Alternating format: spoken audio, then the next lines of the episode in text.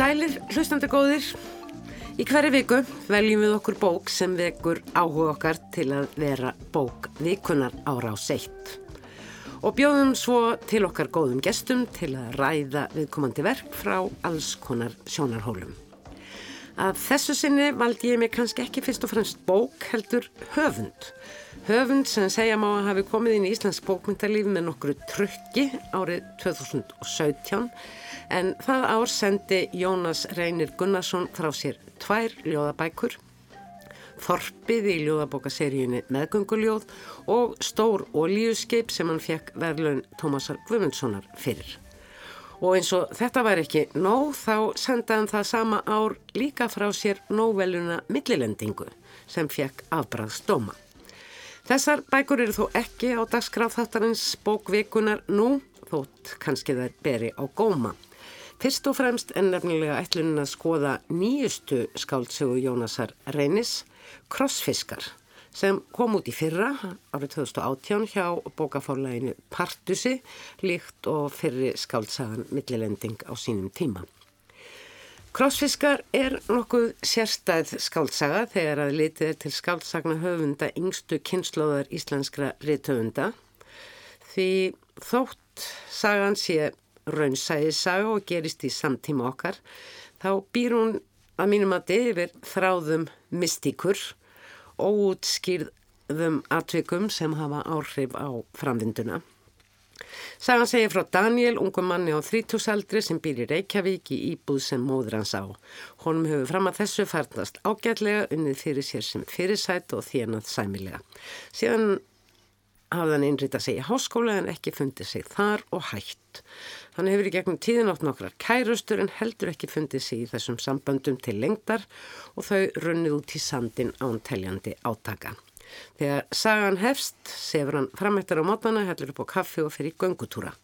Talsvert af orguans fyrir að komast undan ásökunum og kvartningu móður sinnar um að hann þurfi nú að fara að fá sér vinnu. Hún get ekki endalust haldið honum uppi og svo framvegis.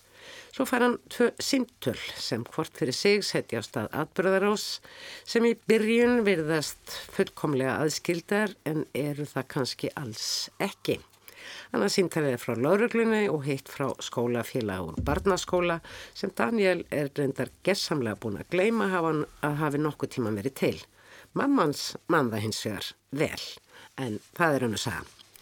Að vanda eru hér tveir gestir sem þekkja þessa bók Jónas Herr Reynis og jáfnveil fleiri verk hans og hafa lýsið tilbúna til að ræða um krossfiska. Þetta eru þau Sunnadís Másdóttir, ljóðskáld og bókmenta, já, svona ímislegt mætti kannski kalla Sunnudís, kannski bókmenta virkja. Hún hefur verið bókmenta um fjallandi í kiljunni, unnað á bókasafni, stýrt nefndum um bókmentir og ótal margt fleira. Þótt nú á næstunni ætlum hún sér að einbeita sér að eigin ferðalögum um heiminn að mér skilst. Svo er hér Sölvi Björn Sigursson, ljóðskáld, sagnahöfundur og þýðandi reynda líka og ég vil bjóða ykkur velkomin, bæði tvö. Krossfiskar er engin alveg venjuleg skáltsaga. Ég líst henni sem raunsæðisleiri samtímasögum með mystískum þráðum. Hvað finnst ykkur? Já, ég held að hérna, ég sé eiginlega hinga komin með sko fleiri spurningar heldur en svör mögulega sem ég finnst kannski segja svona ymslegt um þessa bók. En hún er það virkul, virk, já, hún er það, hún er raunsæðis sagað einhver leiti en uh, mystík segir þú, já. Um, ég finnst hún sko, svo fljóta að fara að liðast í sundur sem eitthvað raunsæði. Það er þarna mm. strax í upphafs kaplanum, uh, heit, hann heitir Martraður og þá fáum við þarna gamla minningu frá því hann er bann, hann Daniel og, mm. og svo Martruð þar sem hann er að lendur í snjúflöði. Já. Uh, og maður fær svona svolítið strax á tilfinninguna að hér, hér bú einhver öfla baki þannig að við fáum ekki alveg rauklega framvindendilega og, mm, og svona mér varst, skýra. Mér varst mjög sko velkjert í raunin að koma bara bernskunni frá í þessum karakter í mm -hmm. svona mhm. stöttum uh, formóla í rauninni já. að hans lífi að því að hann er svona maður sem að er í klúðuslegu ferli í sínu lífi á einhvern hátt og höfundi tekst mjög vel upp að, að lýsa þessari skapgerð og manngerð og uh, það myndi mig pínu á sko þessi örstu til kapli um benskuna, þetta var svona einhver ómur af kannski vespuversmiðin eftir Ian Banks eða, eða bjargvættinum í grasinu eða einhverju mm. slíku mm -hmm. en svo fer hérna sagan bara mjög fljótt á stað þó að sé í rauninni það er einhver hasar atbyrðir að gerast, gerast en samt heldur þessi samanni bara strax frá upphafi og hann næri einhvern veginn að lýsa þessum hvað maður að segja Karl Lufsu innförum sem að búa undir fölgráðum himni í einhverju borg. Og já, hann býr heim í á móðu sinni og á ekki fyrir leigunni og lendir í endurteknum atbyrðum af, af einhverju sem hann ræður ekki alveg við en hefur samt einhverja mótspyrnu gegn. Mm. og já, mér, eh, þetta er mjög skemmtilegt skaldverk verið að segja Heyrum aðeins hvernig höfundurinn Jónars Reynir Gunnarsson lýsir þessari bóksinni Krossfiskar. Krossfiskar er önnur skaldsamin og hún fjallar um hann sem heitir Daniel sem er svona hættur að taka þátt í, í lífinu ákveðinu leiti, hann hættur að vinna hættur í skóla og mér finnst með bækur það sem að framvindan eh, er kannski ekki raugleg eða svona á köplum ekki raugleg að það er svona tendans hjá manni alltaf að að leita ykkur um að horfa þar eins og kóða og, og leita eftir svörum. Og já þegar maður les svona bækur það sem maður kannski nýrkabli byrjar og maður átta sig kannski ekki alveg strax á eða kannski bara alls ekki í hvað tímaröð hlutinir er að gerast. Kannski sána persóna vaknar upp eitthvað staðar annar staðar og það eru svona kannski það eru hólur í frásunninni uh, og maður er kannski örlítið í lausulofti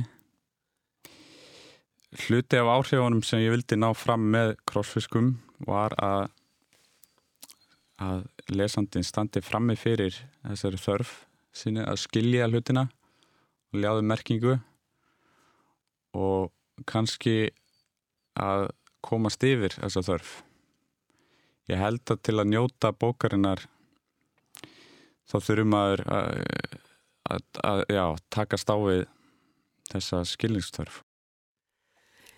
Mér fannst nú þegar að eh, Jónas Reynir eh, sagði mér þetta í viðtælinu sem ég, ég tók við hann mm -hmm eins og hann svaraði nokkrum spurningum sem hafðu vaknað hjá mér líklega ekkit ólíkar þeim sem að vaknaði hjá þér, Sunnadís Nei, akkurat uh, þessar hólur í frásögninni sko. ég, hérna, ég las þessa bók bara þarna rétt eftir að hún kom út í fyrsta skipti og þá held ég nefnilega að ég hafi verið að streytast miklu meira við að, að fá þetta allt saman til þess að ganga upp í eitthvað kerfi sem að mér fannst henda mér leita þessum kóða eins og hann talar um mm.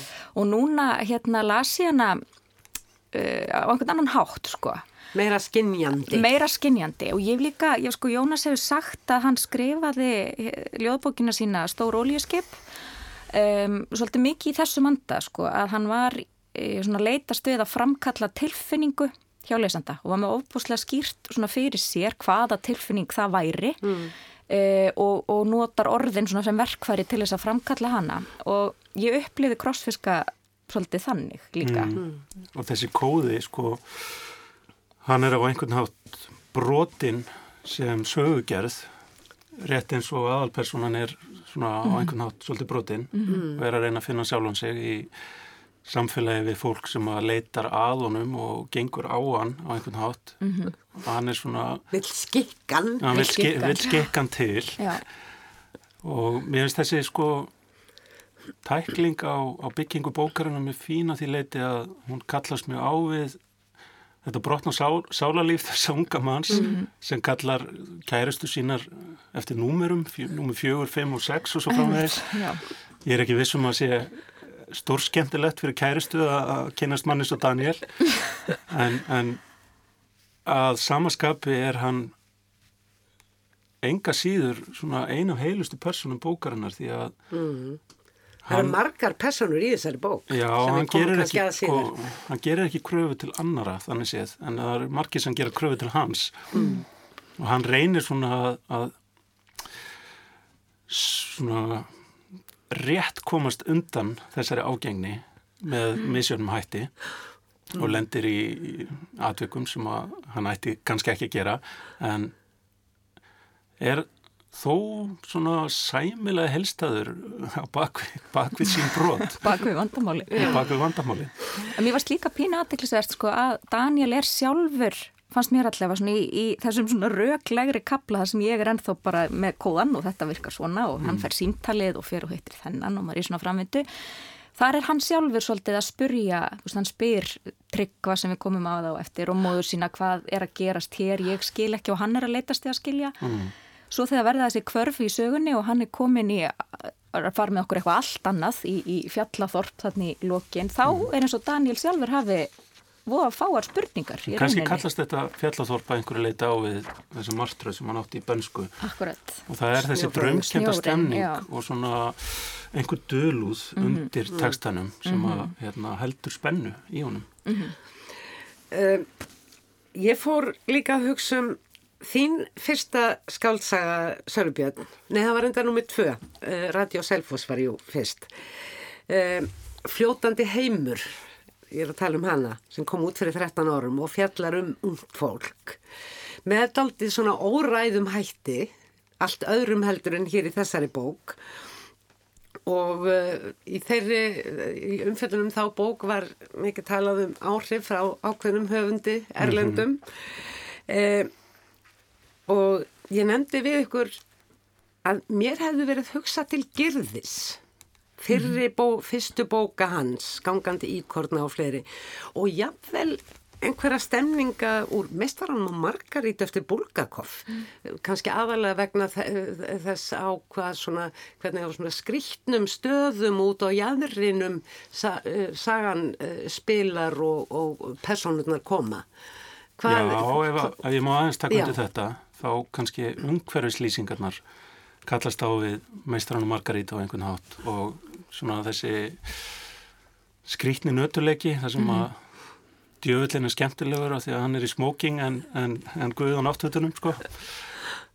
Og uh, ég, ég hef enga hugmyndum hvaða hugmynda Jónas hefur lesið eða orðið fyrir áhrifum af, en En það er samt svona tenginga í mitt, finnst mér, við Murakami og þessa, þennan Karl Lufsu einfara sem að ræður ríkinn þar í frásögn sem að telur frá 200 til 700 blassjum og uh, með dati mitt sko líka dúvan hans suskind í hug, þar sem að einstaklingur er bara fasturinn í rými sem að hann kemst ekki út úr.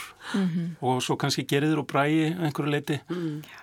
Þessi svona hliðarheimur sem er bara hásbreytt frá raunveruleikanum og er svo skemmtilegur í bókum af því að hann getur verið tjáður á, á samferðandi hátt þannig.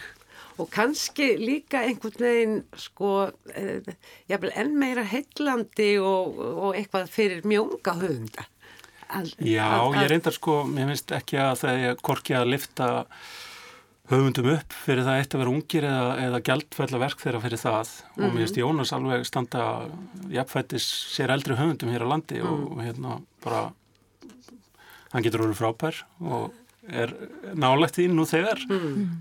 Og hérna þessi bók byrja veitnum það. Mér finnst þetta líka mitt skemmtileg, sko, skemmtilegt svona næsta skref eftir millilendingu sem að, hérna, jú, fekk mjög góðar viðtökur en, en Það var líka ungmanniska, stelparendar. Já, það var, það var hvað kallar þessa karllufsur í, Já, í eitthvað svona, já, það var þá kvennlufsa.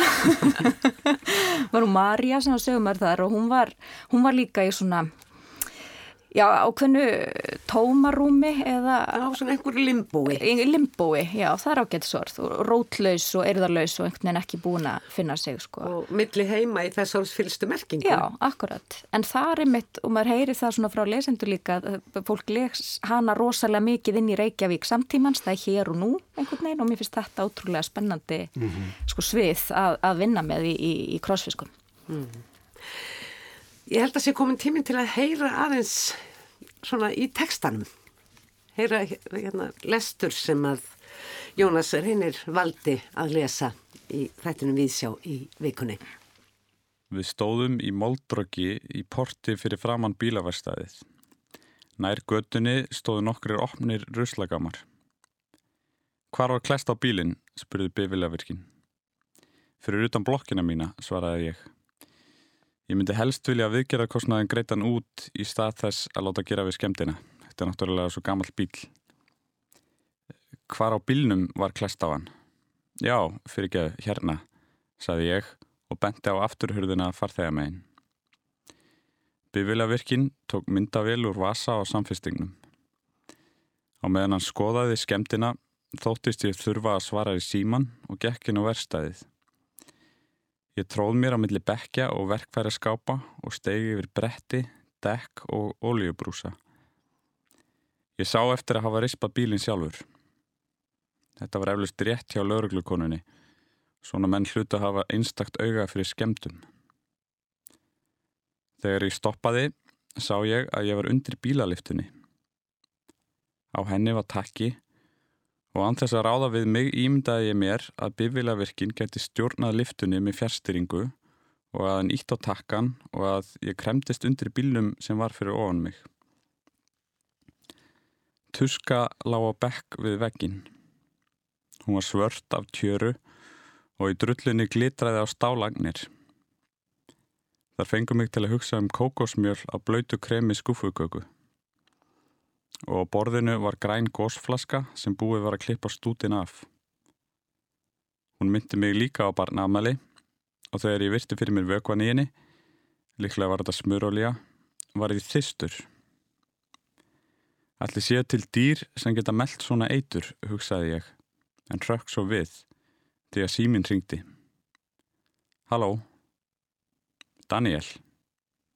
Já? Sæl, þetta er Tryggvi. Ég skildi eftir skilabóð hjá þér.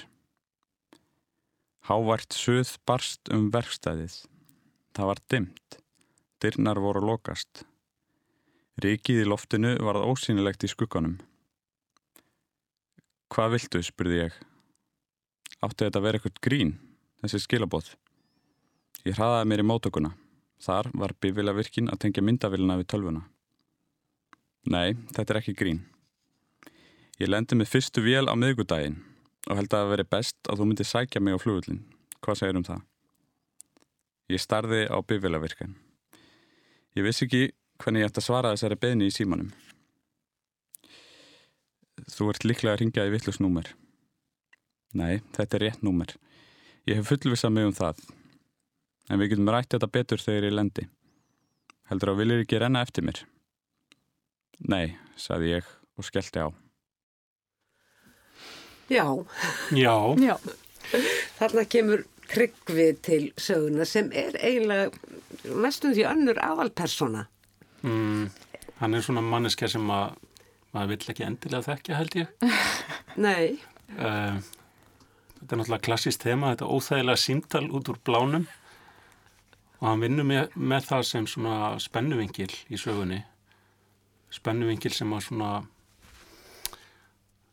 liggur alltaf aðeins til hliðar maður veit ekki alveg hvað er að gerast. Mm. það er þessi döglúða stemning. Þessi mystík sem hann endur hér upp á mm. en um leið sko eins og bara í, kom fram í hérna í lestri Jónasar með smjörkremið og, og smjörólíðana þetta er eru svo sko skemmtilegar myndkverfingar og sam, hérna, svaranir innan textans sem flýtur mjög áfallalust fram og er samt svo lúmskur að skjótast einn svona skemmtilega myndkverfingar ég man eftir einni sko þegar aðalpersonan segist gefa móðu sinu örlittla von um framtíðina í einu samtalinu eins og hann var að gefa hundi matarafganga. Já, akkurat. Það er eiginlega það besta við húmórin í þessari bók. Það er eins og húmórnum sé ekkit endilega ætlað að vera þarna mm. og það er aldrei reynda tróðum upp á mann. Það er bara svona alveg tjókur í gangi. Já. Mér finnst til dæmis sko ennþá eina mínum uppáhald svona senum er, er sviðsmyndum að því mér finnst hann svo ótrúlega flinkur um þetta að gera sko sviðsmyndir fyrir okkur eins og þetta bílaverstaði sem mm. hann var stattur á þarna núna með mm. kókoskriminu eða hvaða var þarna, kókosmjölinu er sko heima hjá prestinum sem að selur líka próteinduft sem að mér finnst óbærilega fyndið í hvert einasta skipti.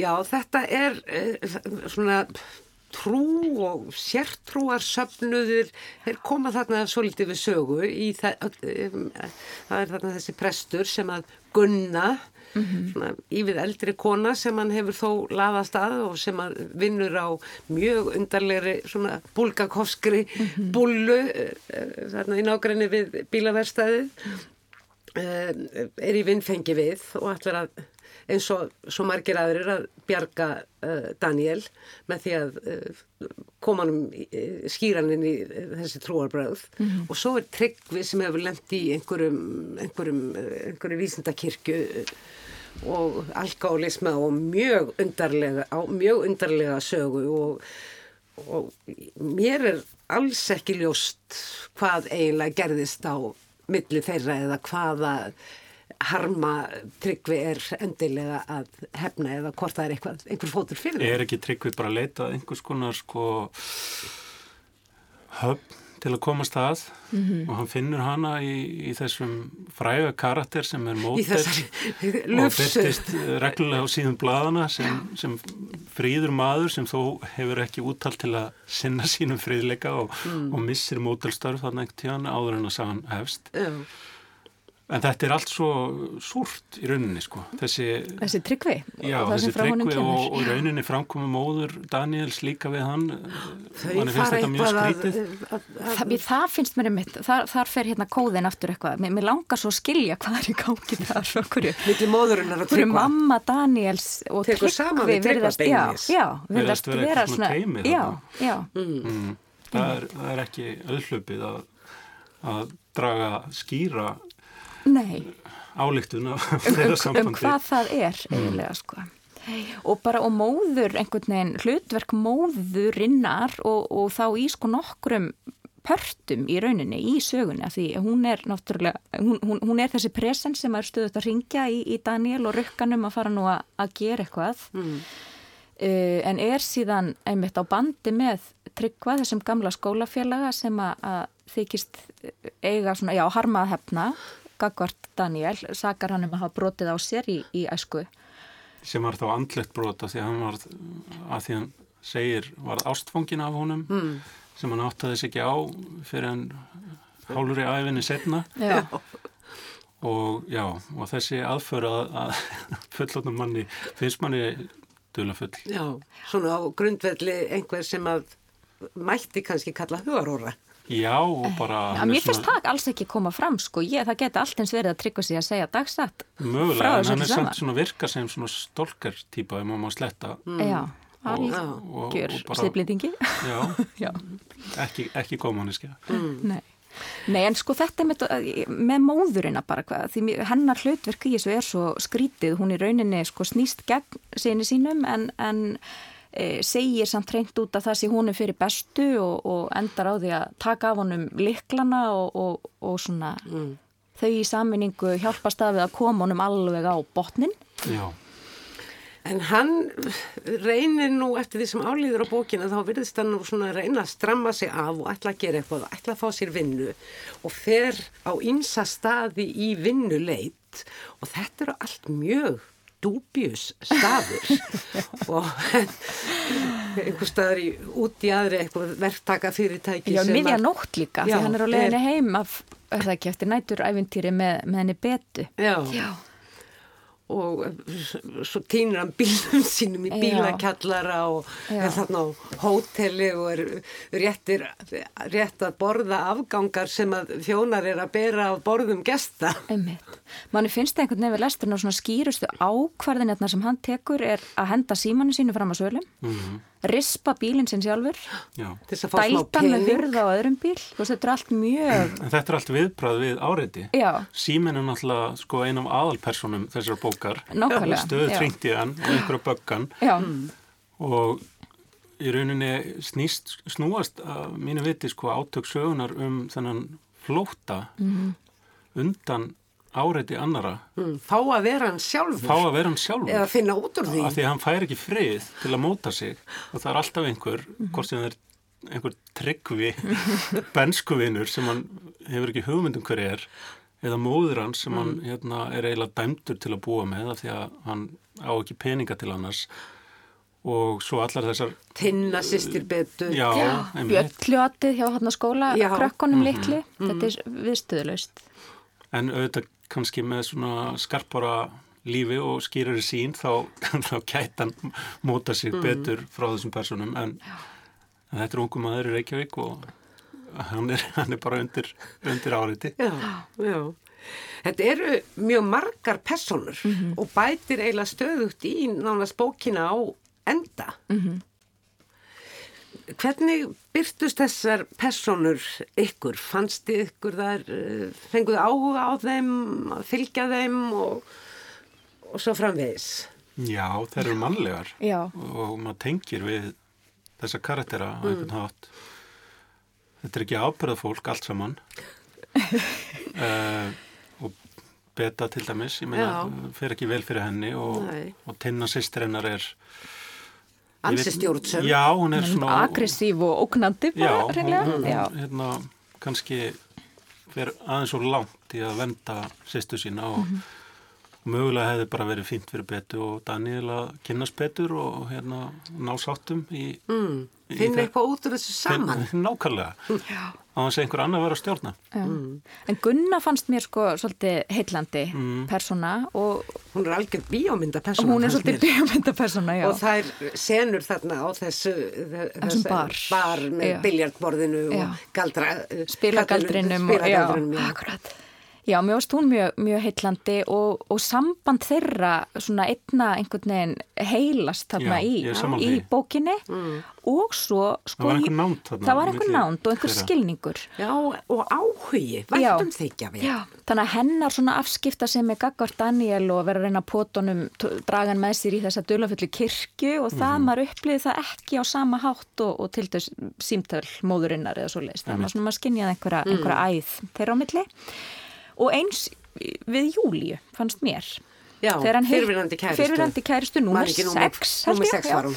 uh, hérna þegar þau hittast eila fyrir tilviljun að því að maður heldur allavega fyrst í þessum bílakjallara hræðilega dystopíska völundarhúsi þar sem hann týnir bílnum og, og sjálfum sér um, og þar fannst mér ég líka að finna þessa einhver, einhvers konar nánd sko. ég var svona á tímabili að vona að, að það getur nú eitthvað gott sprottið upp úr þeirra samtali.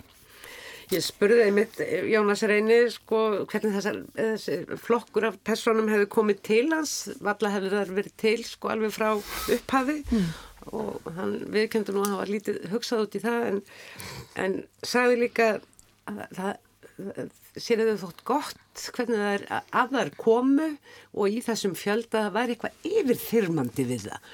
Og ég get verið sammála því, það er einmitt, maður finnur svo stert til þessarar sem að þú lístir áðan Sölvi Björn, þessarar ásóknar í hann og, og, og í það að bjargonum. Já, þetta er náttúrulega skemmtilega við, við bókmyndinar og að skálda. Já, og að skálda. Í góðri bók fær maður einsýn í það hvernig er að horfa á veruleikan og veitulega höfundur er að, draga veruleikan á smá skjön. Mm. Kanski fremur mm, þannig að, já, kannski ekki alveg á skjön, en samt þannig að lestningin er þessi hliða veruleiki og afþreying fremur en lýsing á því hvernig heimurinn er í raun og veru. Mm. Maður fær alveg sko nógu nógan skamt af, af hennum blákalda veruleika í, í kommentarkerfum og uh, æsifréttum mm. en bókmyndanar þetta á breyta og þess vegna les maður ennþá og fær tilfinningu fyrir því að tímamanns er best varið í það í rauninni sko, fremur en hérna, hanga á netinu alltaf daga og Jónas gefur manni, gefur manni þennan tíma mm. sem að skilar einhverju Nákvæmlega og uh, Þetta er ekkert sérlega þekk bók, hún er innan við 200 blaðsíður, mm -hmm. en eins og kannski hefur mátt heyra hér að þá er hún ótrúlega litrík og lífleg Já. þrátt fyrir að uh, þessar nötrulegu staði sem að hér hafa verið nefndar og þetta að sínuleiti mislukkaða fólk sem þar þvælist um á síðum. Já. Mér stu, sko, það er bara svo mikið í henni og mér finnst líka ef maður fer svona nálgast hana kannski aðeins eins og ljóð bara á köplum, mm. þá finnst mér um allt þetta með sko snjóflóðið, hann dreymir þessa enduteknu drauma um jú, snjó og snjóflóð og svona farg ofan á sér að mm. geta ekki andað mm. það verður svona þurfa að grafa þurfa að grafa uh, það verður með svona symbolíst uh, og, og, sko, og allir þessi áherslu á snjóin sem kemur í draumunum og er síðan í þessu þorpi um mér fannst það líka einhvern veginn tengjast við sko skýðaferðina sem að, mm -hmm. að Tryggvi segir að, að sé uppspretta alls sem að miður fór í hans lífi þar sem þetta brot Daniels á að hafa átt sér stað mm. sem við vitum ekki hvort sem við vitum ekki, nei En það er einmitt þessi, sko, þessi svona lúmska myndkverfing fyrir eh, Ísland í rauninni, moldrókið, mm. bílaverstaðin, endurskoðununar og allt þetta hverstarslega mm. sem að liggur svona sem einhvers konar sögulýsing yfir öllum atbyrðunum á þess að í rauninni sko því sé þrýst aðmanni en þetta er bara svo hverstaslegt og þetta er veruleiki sem við þekkjum öll mm. Og svo er svona þessi dölar fulla mm. atbyrður ás í bland sem að gera mm. þetta spennandi sko og hótelin sem að einhvern veginn svona byrtast og hverfa mm. í borgarlandslæðinu og þau eru einhvern veginn svona talandum snjóin og, og þorpið sem er einhver og, og, og tengingu þess við landið hitt er eiginlega svona kannski meiri tenging við einhverja uppbyggingu sem að er kannski ekki alveg á tröstum forsendum mm. hótelið og bílakjarnar freka kunnulegt fyrir Reykjavíking mm. í dag kannski sá veruleiki. En svo líka þannig bak við einhvers konar benska frá því að borgið var aðeins öðru sér heldur en hún er núna. Einmitt, einmitt. Og veitu það náttúrulega öll að Reykjavík hefur breyst gríðarlega síðustu 20 ár eða svo. Kirkjugarðar eru líka sögursvið koma fyrir sem slikt þetta er uh, mjög áhugaverð bók mm -hmm. og ég var nú að viðkjanna að það tók mér svo litla stund alveg eins og þig svona að, eh, að svona að finna mér slóð í henni mm -hmm. en svo kemur að endinum ég ætla nú sko ekki ljóstra upp nákvæmlega hvernig það gerist en það hefur með með einhvers konar flót að, eh, að gera þetta hafa ekki fast land undir fótum, sökva mm -hmm. og grafa og uh, grefsmaður undir eða rísmaður upp. Akkurat, uh, já, nú er það svo erfitt alltaf að tala um endinum var, má ekki, má ekki segja hvað hún fælst. Mm. En, um, en krossfiskar koma við sögu? Krossfiskar koma við sögu, já, og, og, sko, og vatn sem er líð annað sem er búið að vera og náttúrulega nátengt snjó sem mynd en er búið að mm. vera svolítið fyrirferða mikið í, í bókinni og hann segir á einum einhverjum stað að sem ungling hafa hann oft reynd að, að geymurinn væri vatn og að mannsæfin sé tíminn sem það tekur því að sökva í gegnum geymin og til boss sem er svona mm. skuggaleg þrúandi svakaleg mm. heitlandi mynd Já, hann alltaf flýtur í gegnum sinn veruleika þessi Já. karakter Daniel Já. og hefur kannski ekki alveg fast landið til fótum Nei.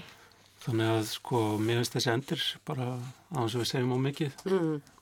svona samkverfur því sem að fóru undan og hvort sem að hvernig sem að honum rýður af mm. eftir sögulokk þá þá hérna, veit maður að hann er enni leitt Já, höfundur, þegar ég spurði hann út í endin þá talaði hann um tilfinningu sem hann hafi viljað vekja, þannig að nefndi hann nú mm.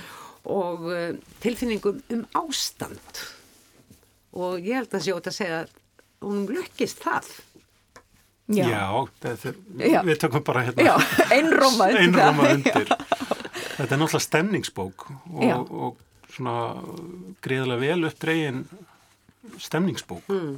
og það, hún heldur alveg sínu frá upphæðu til enda með þessu, þessu andrumslofti sem hún býr yfir. Mm. og það þarf ekki að skilja alla bækur alveg til fulls. Og stundur skiljaði meira eftir sig ef að maður er svona hugsandi yfir þeim þegar maður er líku lestri. Mm -hmm. Einmitt. Það fer að líða undir lok þáttarins. Er eitthvað sem þið setjið inni með sem að ykkur langar til að koma og framfæri um þessa ágætu bók Krossfiska eftir Jónas Reyni Gunnarsson Sko mér líður eins og maður gæti haldið áfram að kroppa í hana mjög lengi af því mér finnst vera svo margt aðna spennandi að spá í. Ég tók til dæmis eftir því núna í öðrum lestri að hérna svo áhugaverst sko hvaða mikil óreiða hjá fólkinu í kringum hann líka. Mm. Hann fer heim til Gunnu í fyrsta skipti og það er allt á kvolvi heima hjá henni. Og hún hleypur um og tekur til sem er svolítið svona móðuleg hefðun líka.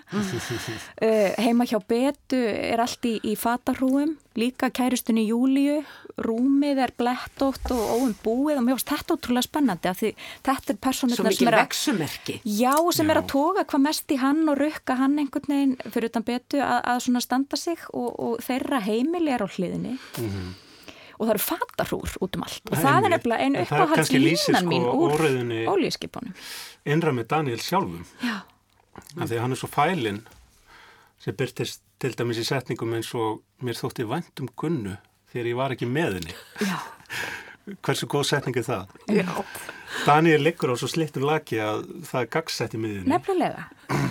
Og já, og þetta er allt þetta sem er ekki þar í henni Já og það er alltaf svona eins og þessi eitt skref já. að á eftir heiminum já, eða... það er eins og eftir að taka til það er eins og eftir að taka til eins og sunna þetta, sko. mm. einmitt. En þetta er skemmtileg og áhugaverð bók sem að virkilega er hægt að mæla með. Já, ég tek undir það. Já, bara frábæð mm, bók. og áhugaverður höfundur sem verður að fylgjast með Jónas Reynir Gunnarsson. Takk ykkur báðum kærlega fyrir, fyrir að koma í þáttinn bókveikunar. Takk fyrir mig. Sunna Dís Mástóttir og Salvi Björn Sigursson og ykkur hlustendum þakka ég samveruna. Minni á að frekara efni tengt þessari bók og öðrum bókum vikunar er að finna á menningarvef Rúf undir bókveikunar. Þátturinn á sér svo líka Facebook síðu þar sem gerna má koma með uppástungur að bókum til að fjalla um. Látum þessu lokið að sinni verði sæl.